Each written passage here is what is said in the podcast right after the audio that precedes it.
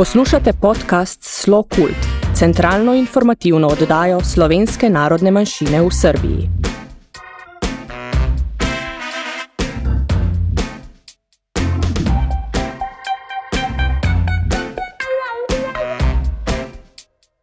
Dobar dan.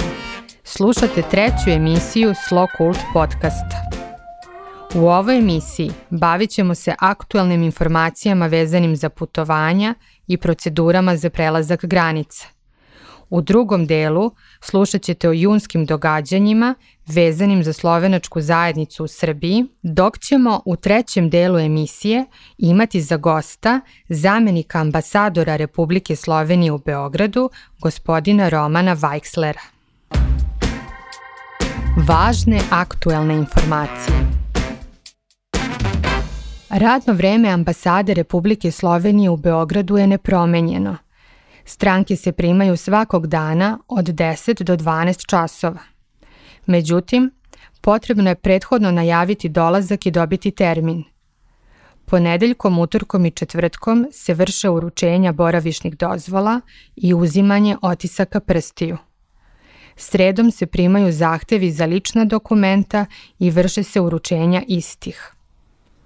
Četvrtkom se vrše ostali konzularni poslovi, kao što su overe dokumenata, izdavanje viza i sl. Stranke sa dobijenim terminom dolaska moraju poštovati termin dolaska. Ispred ambasade je zabranjeno stajanje i okupljanje.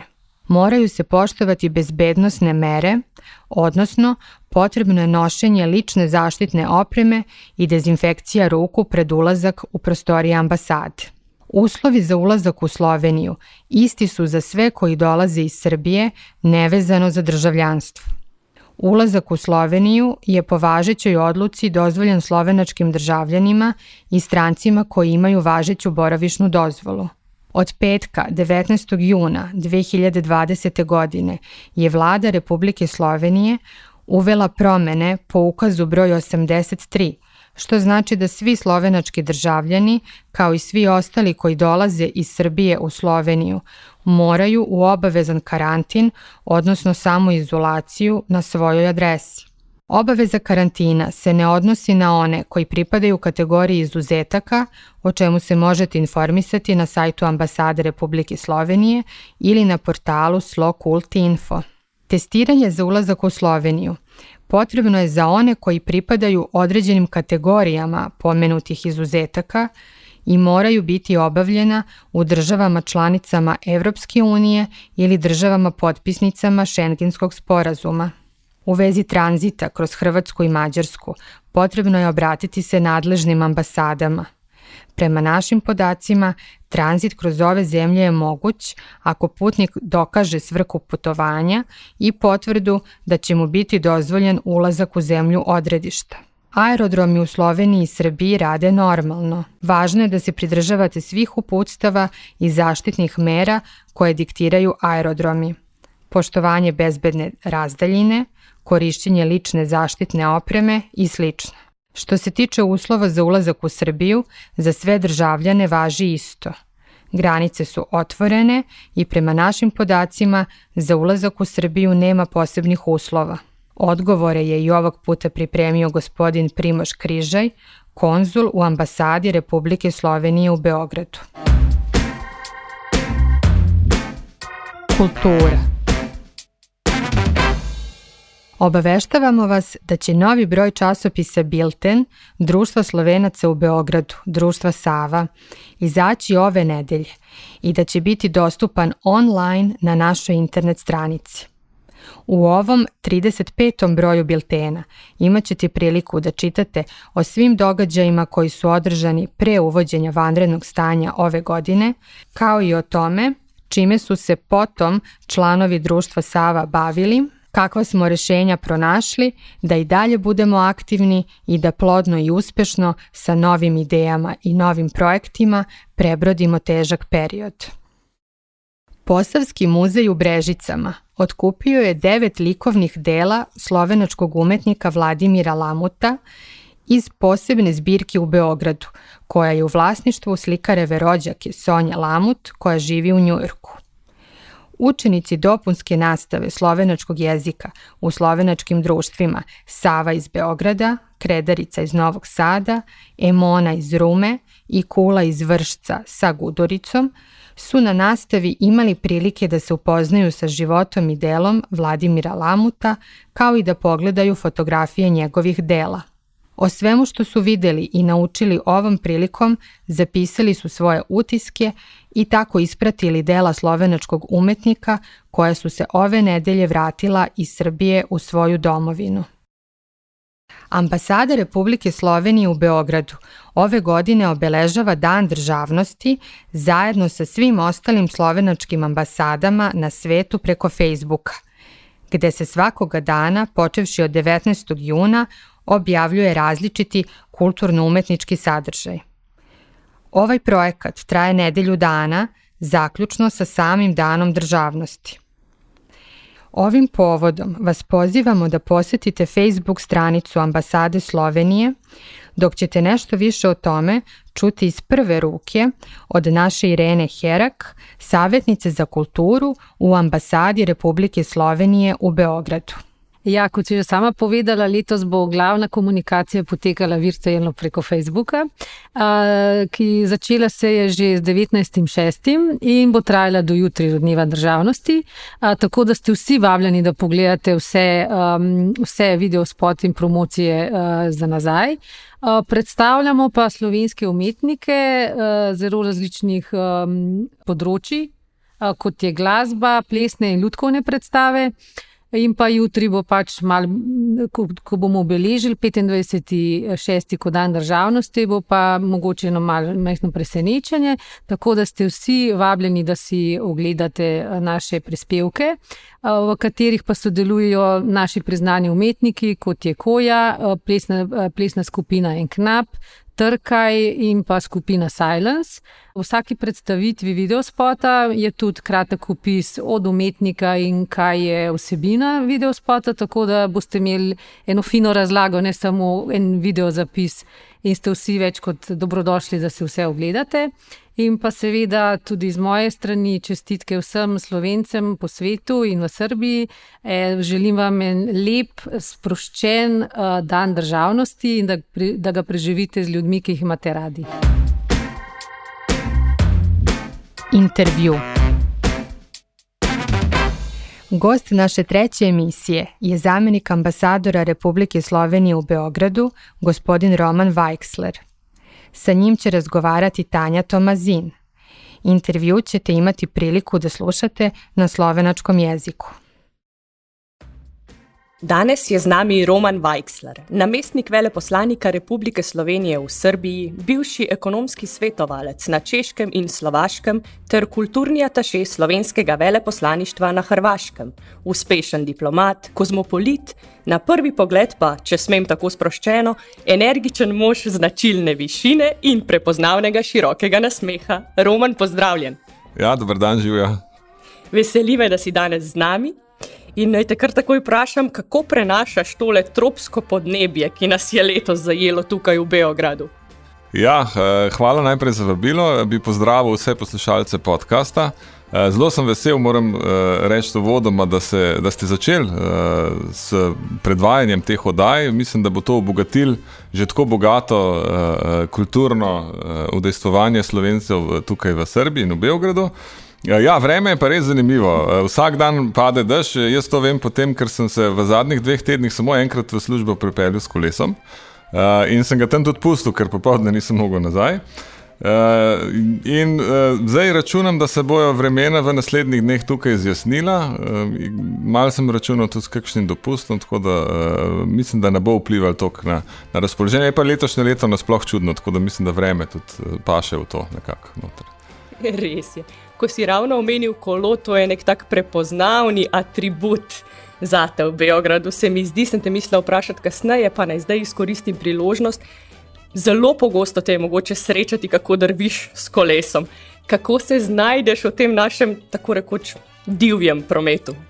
Ja, zanimivo. Jaz sem imel tudi na začetku malo strahu, ampak eh, ker sem kolesaril tudi v Pragi in se tam nisem dal, eh, pa so zahteve, tudi, mislim, razmere tudi zelo zahtevne.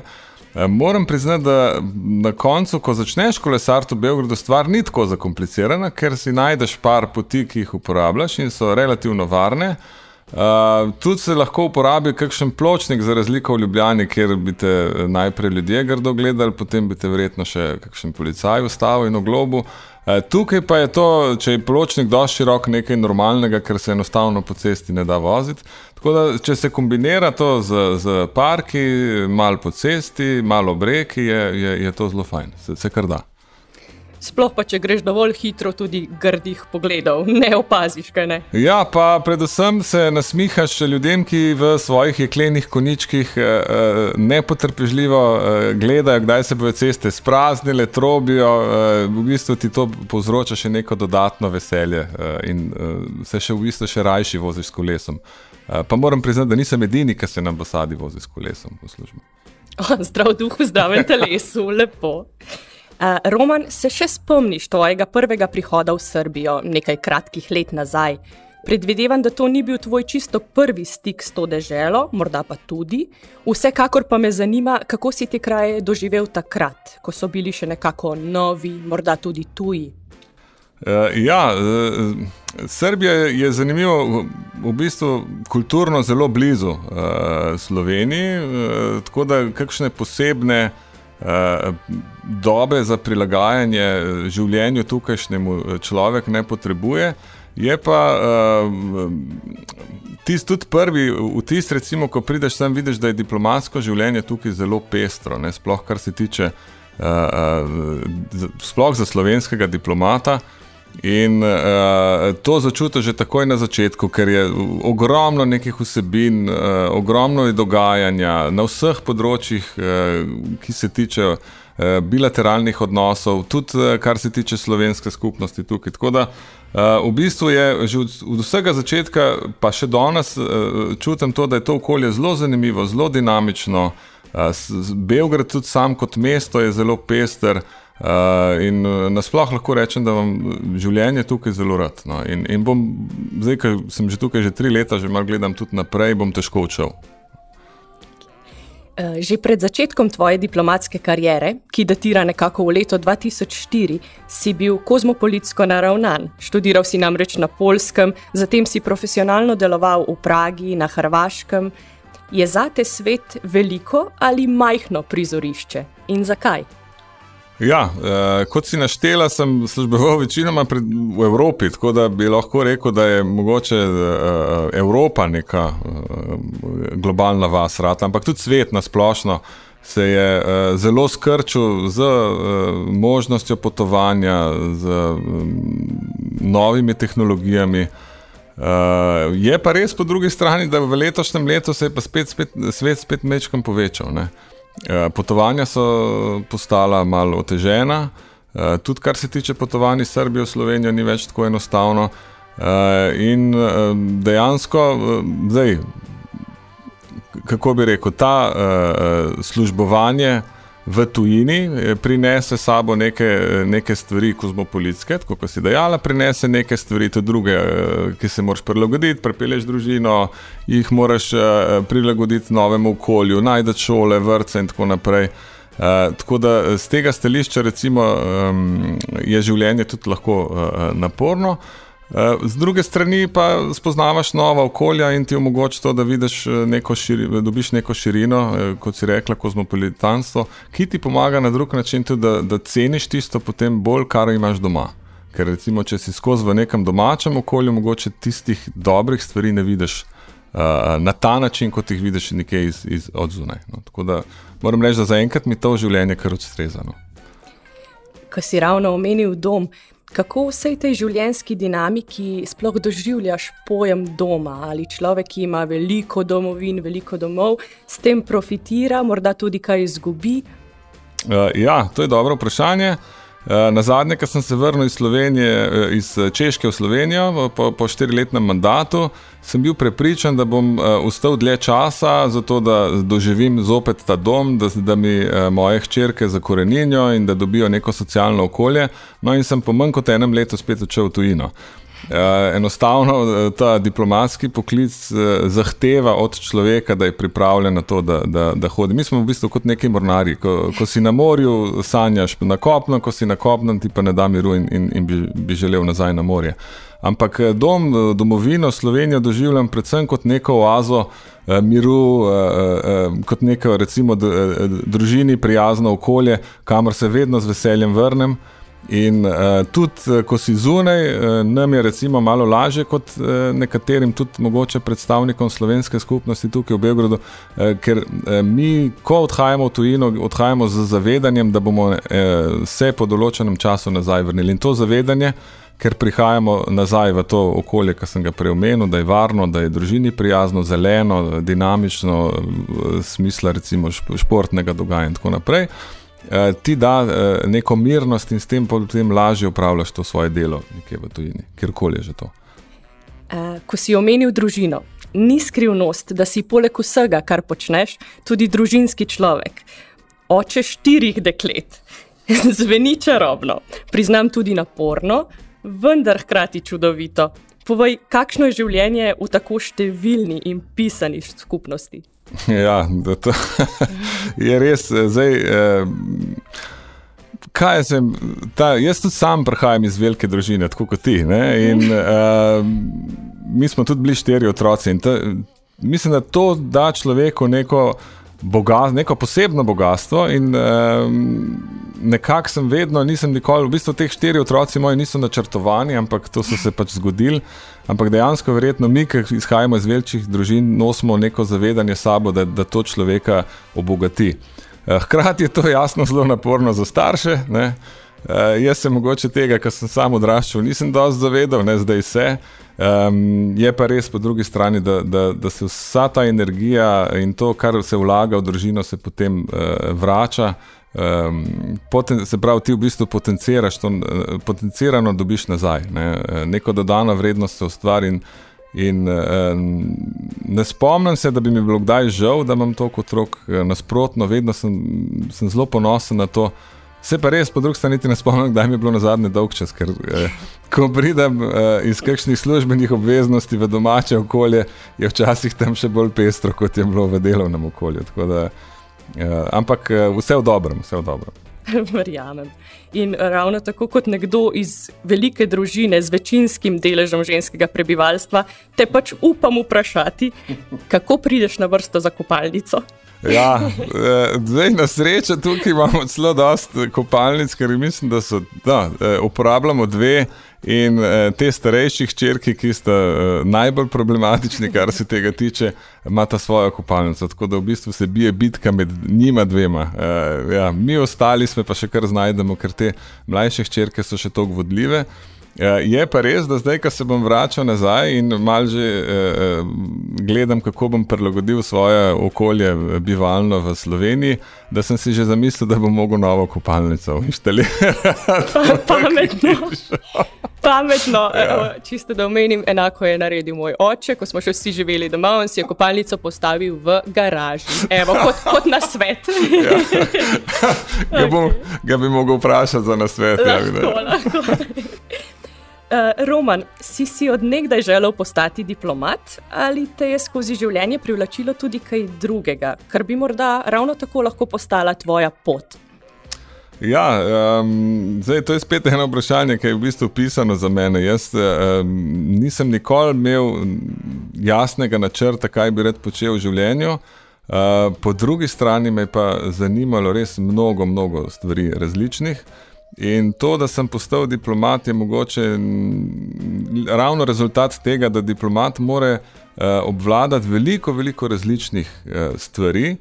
In uh, potem ta seštevek, če te stvari uh, recimo obvladaš v neki pravi smeri, da uh, enega dobrega diplomata, zdaj sem to malo neskromno povedal, ampak uh, dejansko je pač tako, da um, ta želja, da bi postal diplomat, se je, postal, uh, se je pojavila šele potem na fakulteti. Uh, Uh, predtem sem recimo razmišljal, bi šel, da bi šel študirati uh, matematiko, ampak me je moja pokojna mama uh, takrat prepričala, da uh, matematika je brez veze, da potem bom lahko sam poučeval in da seveda, ne, ko je videla, kakšen sem bil jaz dijak, da potem te v bistvu dijaki samo zafrkavajo, ko si ti profesor in sem se nekako odločil potem, da mogoče to ni zdaj ta prava pot. Ampak z matematiko sem ostal v stiku glede na število mojih eh, otrok, ki jih zdaj inštruiram veselo, tako da eh, nekako mi ni žal zdaj to, da nisem šel na matematiko.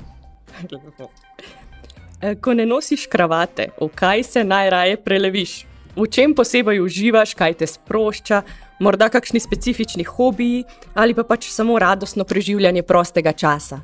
Ja, uh, zdaj ne bom našteval vseh hobijev, da jih ne bo preveč, ampak uh, dejansko, um, kot sem že prej povedal, v življenju me je zanimalo veliko stvari in to se po, potem pozna še dan danes. Uh, recimo, če pride do tega, da mi res ostane čas po vseh službenih obveznostih in družinskih obveznostih, potem se najraje ukvarjam s športom, zdaj potem recimo to skušam združiti s tem, da se prepeljem s kolesom na, na službo. Da, mogoče igram tenis z nekom, ki mi je tudi uh, poslovno zanimiv, pa se potem tam kaj dogovarjamo. Uh, rad imam tudi glasbo, zelo rad upam, da bo uh, naš tehnik uspel v, v podlagi tudi kakšno glasbeno podlago, da uh, temu najnemu pogovoru. Uh, Evo, kima, tam le iz zadja, na ždino. Uh, ja, v letošnjem letu sem si kupil novo kitaro in to mi sploh uh, res uh, mi obogati preživljanje tega prostega časa, kot ga pač imam. Tako da uh, Rad tudi recimo hodim v hribe, vedno, ko pridem v Slovenijo, to je prva stvar, da splezam na en hrib, je to Šmarna gora ali, ali Grmada ali pač nekam eh, v naravo, ki mi v bistvu eh, tukaj mogoče malo eh, manjka. No, pa ne jamram, da, da, da bi mogel zdaj v Beogradu nekaj zgraditi, neki hrib, ampak eh, po drugi strani je pa fajn, ko prideš domov, da si lahko to prvoščeš. Seveda. Glede na vse povedano, moram vprašati, koliko ur šteje tvoj dan? Ja, Zaenkrat še 24, ampak se pa. Jaz mislim, da to si, eh, eh, doskrat si, ne, ko, ko sem bral še Alan Ford, tam so bili taki hecni napisi na, na, na grobovih, zdaj verjetno si poslušalci niso tega brali, ampak eh, na, na mojem grobu verjetno bo pisal, da človek, ki je, ki je hotel imeti eh, vse, pa mu to ni uspelo. Počakaj, življenje je morda ja. še dolgo. Um, kako Roman ti gledaš na slovensko-srpske medkulturne odnose? Sodelovanje vsekakor obstaja. Je še mesta za kakšne razširitve, poglobitve? Ja, seveda. Zdaj, slovensko-srpski slovensko kulturni odnosi, oziroma odnosi na kulturnem področju, so res zelo bogati, zelo razvejani. En razlog je jezikovna bližina, drug razlog so neki zgodovinski elementi, tretji razlog je, da Eh, veliko ljudi, ki so dejavni na kulturnem področju, tako v Sloveniji kot v Srbiji, so že neposredno povezani med seboj in iz tega ratajo čudoviti projekti. Uh, tako da res je zelo težko nam je kot ambasadi uh, temu slediti, kaj šele, da bi mi temu dajali neko noto. Uh, In ravno iz tega razloga, ker smo videli, da je prostor na tem področju obstaja, ki bi ga lahko eh, zapolnili in recimo dvignili te naše uh, odnose, oziroma sploh to institucionalno spremljanje teh odnosov na višji nivo, smo, nam je v letošnjem letu uspelo, da smo eh, zaposlili dodatno osebo na ambasadi in to kulturno svetovalko ki, je, uh, ki bo v bistvu uh, zdaj postavila, zdaj se vidi že po parih mesecih njenega delovanja, da smo, bili, da smo imeli uh, prav in da v bistvu lahko na tem področju z nekim minimalnim, uh, ali pa minimalnim, ne bom rekel minimalnim, ampak z nekim zelo racionalnim. Dodatnim pristopom naredimo res zelo veliko, in se, se rojevajo zdaj nove ideje, novi projekti. Nažalost, nas je ta situacija s korono pri tem malo uh, zabremzala, uh, oziroma zavrla, če sem zdaj eh, izrazil pravilno po slovensko. Ampak uh, projektov bo veliko in uh, mislim, da, bom, da smo s tem potegnili na pravo potezo. No. Ta teden Slovenci praznujemo Dan državnosti. Bi ob tej priložnosti našim rojakom v Matici in po svetu morda želel posvetiti kakšno misel, željo, na svet? Ja, zdaj, eh, ne vem, če sem jaz prava oseba, da razsvetlim vse poslušalce eh, na ta način. Eh, mogoče, ker smo ravno v tem času COVID-a oziroma korone, ki kar noče odideti na ta način, ki bi si mi želeli. Da dan državnosti simbolizira, ima za slovence en poseben pomen. Ne? Takrat smo mi uh, v bistvu je eden redkih trenutkov v naši zgodovini, da smo res stopili skupaj in smo uh, gledali enotno na neke stvari, in to nam je potem pomagalo, da smo ustvarili ta stoletni sen naših uh, prednikov in, in dobili svojo državo. Uh, jaz upam, da bomo prizadevali si, da z njo ravnamo res odgovorno in upam, da bo tako tudi v prihodnosti. Ampak zdaj, ker je ta situacija s COVID-om mogoče ena taka prava priložnost, da da, se, eh, da damo poudarek našemu delovanju na, na solidarnosti, na, na, na, na, na skupnih ciljih, eh, da, da premoščamo eh, neke razlike med sebojne v, v skupno korist. To, to bi bil en tak, recimo, nek, neko sporočilo, ki bi ga lahko zadali. Roman, hvala ti. Krasno te je bilo imeti za sogovornika. Eh, za konec pa ti želim prelepo, sproščeno, predvsem pa zdravo poletje in se veselim vseh naših nadaljnih sodelovanj. Ja, hvala tebi, tudi meni je bil ta pogovor zelo prijeten in uh, želim ti enako. Upam, da bova oba uspela preživeti poletje ali pa vsaj delček poletja tudi v Sloveniji. Tako, hvala lepa. Ja, hvala. Poslušate podcast Slo Kult. Povodom Dana državnosti Republike Slovenije svim Slovencima u Sloveniji i po svetu čestitamo praznik sa željom da iz svojih korena crpe radost, samopouzdanje i dobru volju. Ovim zaključujemo današnju emisiju. Naš podcast možete pratiti na svim relevantnim platformama kao i na sajtu www.slokult.info. Sa vama je bila Ivana Mandić, tehnička realizacija Dino Dolničar, redakcija Slokult podcasta, Tanja Tomazin, Ivana Mandić, Saša Verbić i Dino Dolničar. Hvala što ste bili sa nama. Do sledećeg slušanja ostanite zdravi.